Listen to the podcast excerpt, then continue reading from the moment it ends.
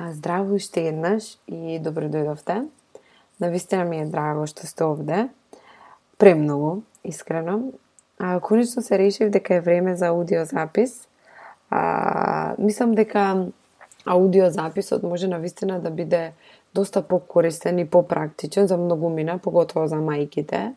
А, поради тоа што доколку се слуша нешто, сметам дека може уште многу други работи пропратно да се прават, така што доколку пеглате, доколку чистите, доколку спремате ручек, доколку возите кола, чекате во банка или што и да е, а, со слушалки сметам дека многу полесно може да се дојде до информацијата. А искрено се уште не сум спремна да говорам на сторис или како и да е јавно. А, меѓутоа ова е некаков апгрейд на сето тоа што некој време веќе пробувам да го правам. И мислам дека е доста подобро со оглед дека ќе ме запознаете подобро, а, ќе ме го ќе ми го чуете гласот, а, тонот на со кој што говорам, со кој што ги искажувам нештата. Така што стварно мислам дека аудио записите барем денеска, се нешто феноменално, барем за мене лично, така ги доживувам. Се надевам и за вас. Па ајде да почнеме.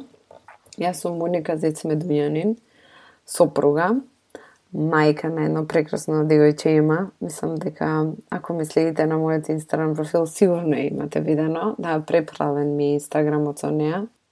По професија сум графички дизајнер и илустратор и обожавам се што е поврзано со уметноста. Мислам естетиката е огромен дел од мене и од моето секојдневие. Мислам дека повеќето може тоа да го приметите. Едноставно, на вистина, уживам во убави нешта, уживам кога нештото е спремено, сервирано убаво, кога естетиката е а, на повисоко ниво. Тоа ми ја храни душата, тоа ме храни мене. А, и сакам убави работи, мислам доста ми е битно работите да бидат убави. Едноставно тоа ме прави срекна, значи тие некои мали работи мене ме прават срекна. Цел живот имам работено за други фирми. А, најчесто странски, мислам, зборувам на англиски јазик од мојата 19 година, така што не е ни чудно ако ги забележите, ако го забележите јазикот низ моите постови, низ моите сторења. А, меѓутоа тоа сум јас. А, мозокот буквално мислам дека многу често ми размислува повеќе на англиски а, бидејќи 8 часа во денот минимум зборувам на англиски. А, може би ќе има некои кои што ќе се прашуваат зашто е на англиски, зашто на македонски, меѓутоа тоа е огромен дел од мене. Што кажав, цел живот имам работено за други фирми, меѓутоа откако станав мајка, на вистина премногу се променив. А, мајчинството ми ги отвори очите, ушите, сетилата, можам да кажам буквално. А, почнав многу поинаку да го гледам светот, почнав да станувам свесна за за, за работите кои што јас ги правам секојдневно и како тие можат да влијаат врз некој друг, а, дали е тоа мојата керка, дали е мојата, тоа, тоа мојот сопруг, дали е тоа мојата мајка, свекрва, пријателки, значи разноразни луѓе на Инстаграм кои што не ги ни познавам. Значи буквално станав свесна колку моите а, реакции, работи може да влијат врз други луѓе, но исто така станав свесна колку многу е краток овој живот и колку буквално треба да живееме онака како што ние сакаме, да живееме буквално за нас, да го уживаме животот во целосна смисла на зборот уживаме.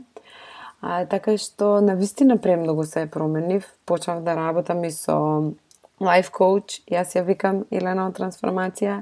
И мислам дека тоа буквално придонес уште толку многу за мојата промена. А, конечно решив дека ќе го оставам светот во кој што јас работам за други и дека конечно ќе отворам нешто свое. Први тоа што тоа беше една од работите кои што буквално ме гушеа кои што буквално ме правеа да бидам несреќна.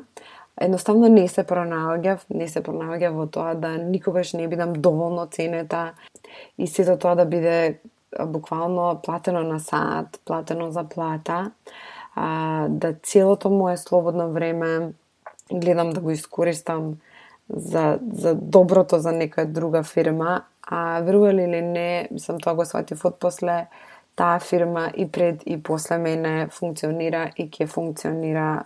Може би добро, може би лошо, меѓутоа едноставно таму нема да ги променам толку многу работите, како што ќе ги променам тука, дома, во мојот личен бизнис, во моето лично семејство. Така што промената секогаш почнува од нас, од нашиот дом.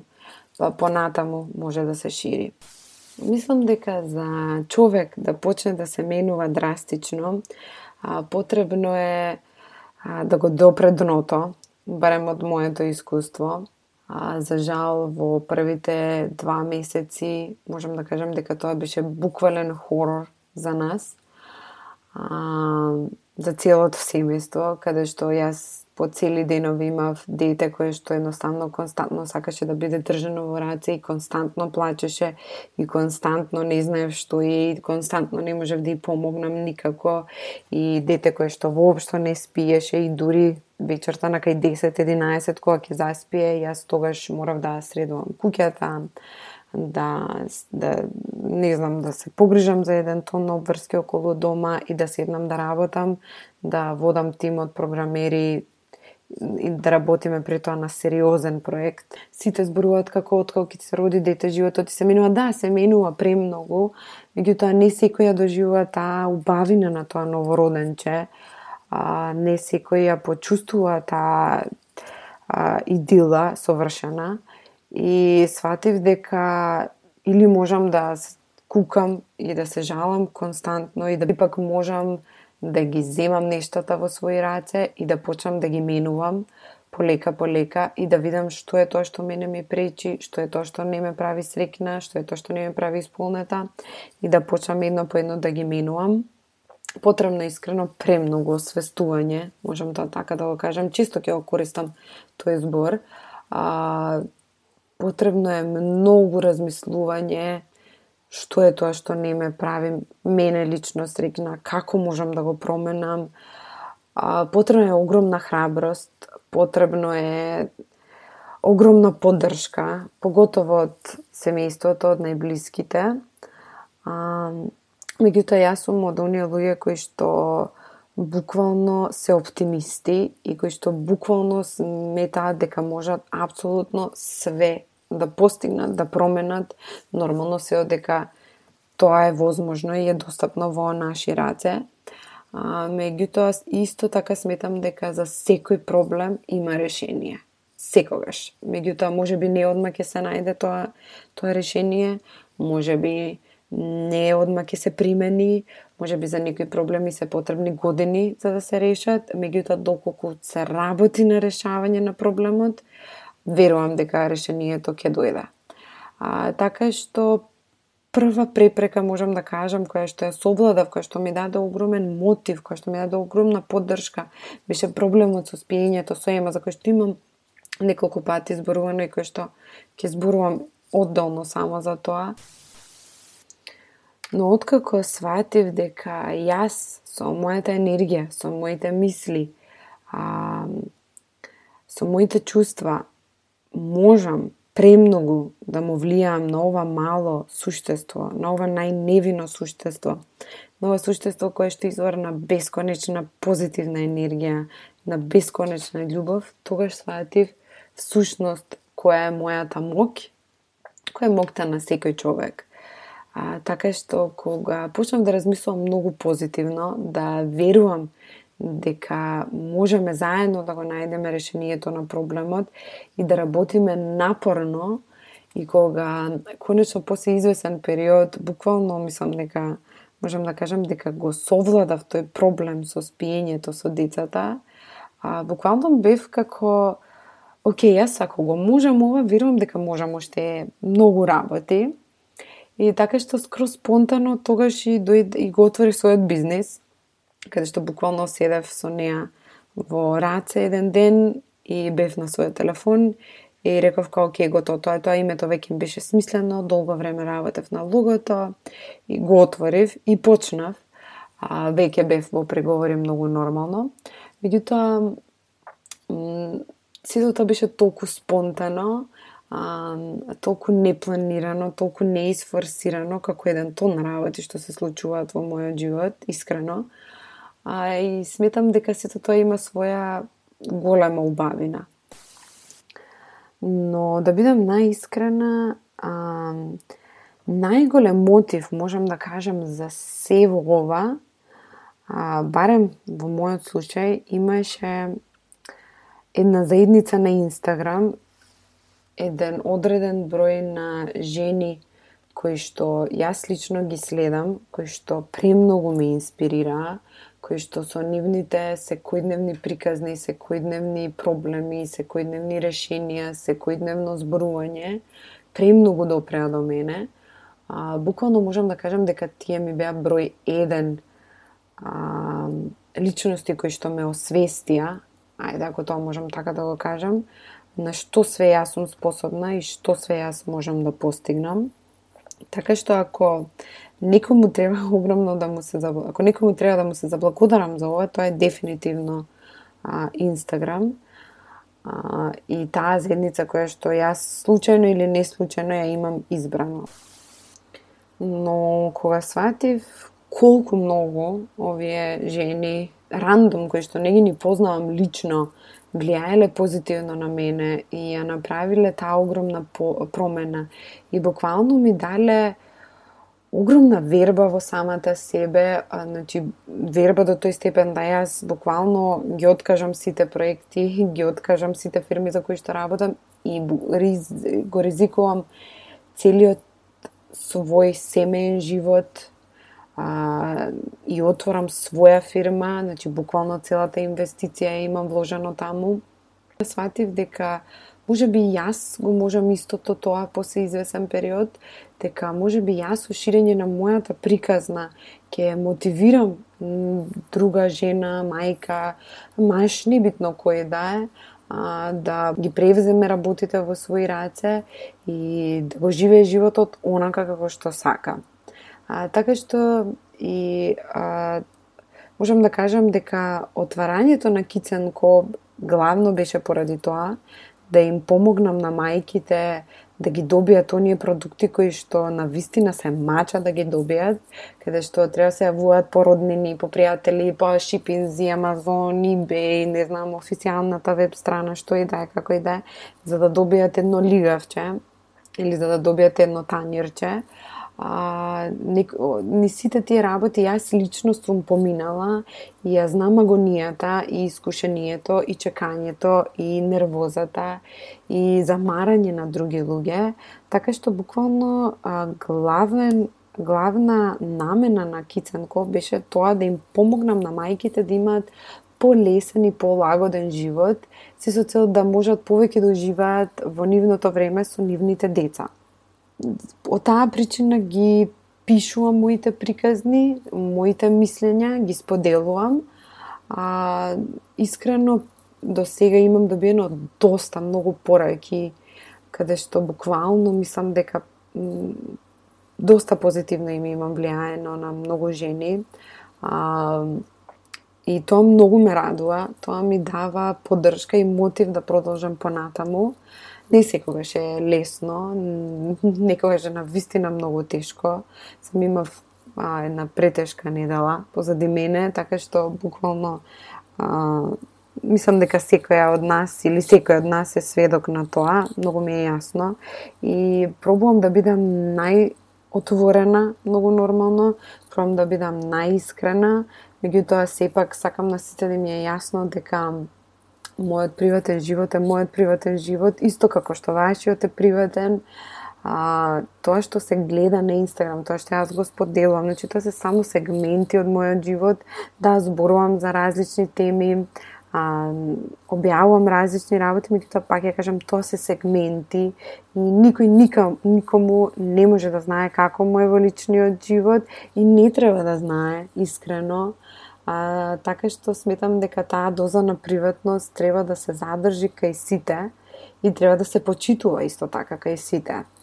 А, не сакам некој да мисли, кога го објави блогот, да добив а, доста прашања од типот на како можеш да го постигнеш се.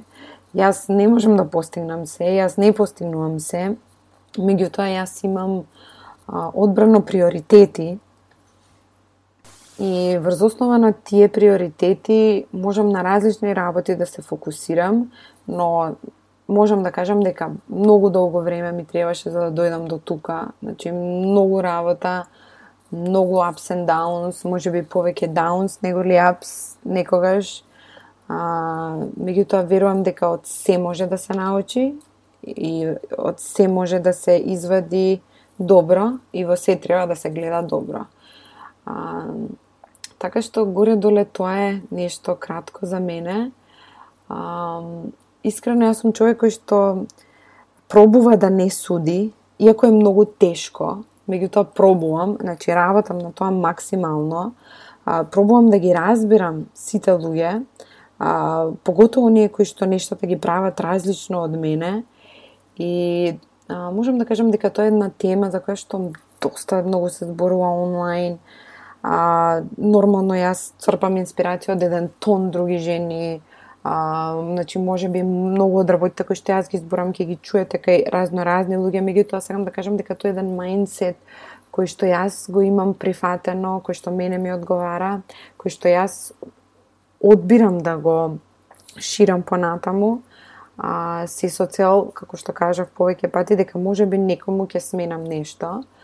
А, јас сум една од оние кои што напорно работи да не ги суди луѓето. И за ова многу ќе зборувам искрено, а, многу често, а, така што be ready for this, можам да кажам. А, значи, кога гледаме дека некој нешто тоа го прави скрос поинако од нас, првото нешто што ни доаѓа на уме осуда, а, и тоа е во ред, мислам, да, нормално, така функционира едноставно човекот. Меѓутоа, кога таа осуда ќе можеме да ја освестиме, да ја препознаеме и буквално да кажеме чекај, застани. Зошто јас ја осудувам таа личност? Пример, не знам, еве, мајка која што покасно го легнува своето дете, кој што е скроз контра моите верувања, моите принципи на функционирање. Меѓутоа, значи ако јас одно почнам да осудувам, видија, во 11 сат го легнува детето, на што личи ова, мислам, разноразни работи, многу нормално, на сите нас не доаѓаат на ум. апсолутно ништо нема да постигнам, а, само јас ке се изнервирам, може би нервозата ќе ја пренесам после на многу други луѓе, а, може би ако и придам на таа мајка и ако и се обратам така, а, ќе ја изнервирам неа, А, меѓутоа јас апсолутно ништо не знам за таа мајка за да земам за да осудувам. Мислам јас апсолутно не можам никого да осудам, камо ли па тотален странец или некој кој што едноставно не е дел од моето семејство, не е, не живее со мене. А, може би имате еден тон различни причини зошто таа мајка го легнува своето дете, пример, во 11 сат. И само доколку јас почнам да размислувам и да се задавам а, разноразни причини, мислам дека ќе ја сватам подобро. А, пример, не знам, може би не знае дека треба да се легнува детето, може би имала претежок ден, че може би а, има поспородилна депресија, значи може еден тон различни фактори да имаат кои што ја навеле неа да го прави тоа.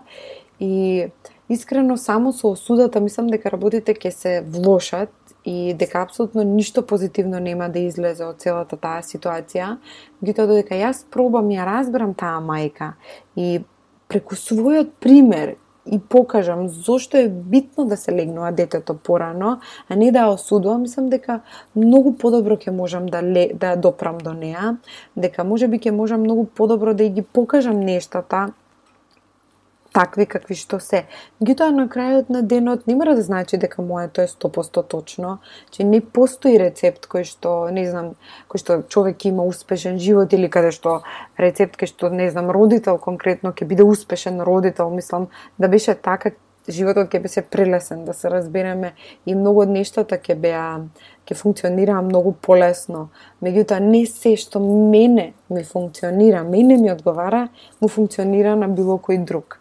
А, јас сум јас, а, вие сте вие, а, значи секој си е човек за себе. И ако нештото мене ми функционира, како што кажав, не мора да значи дека на другиот ќе му функционира.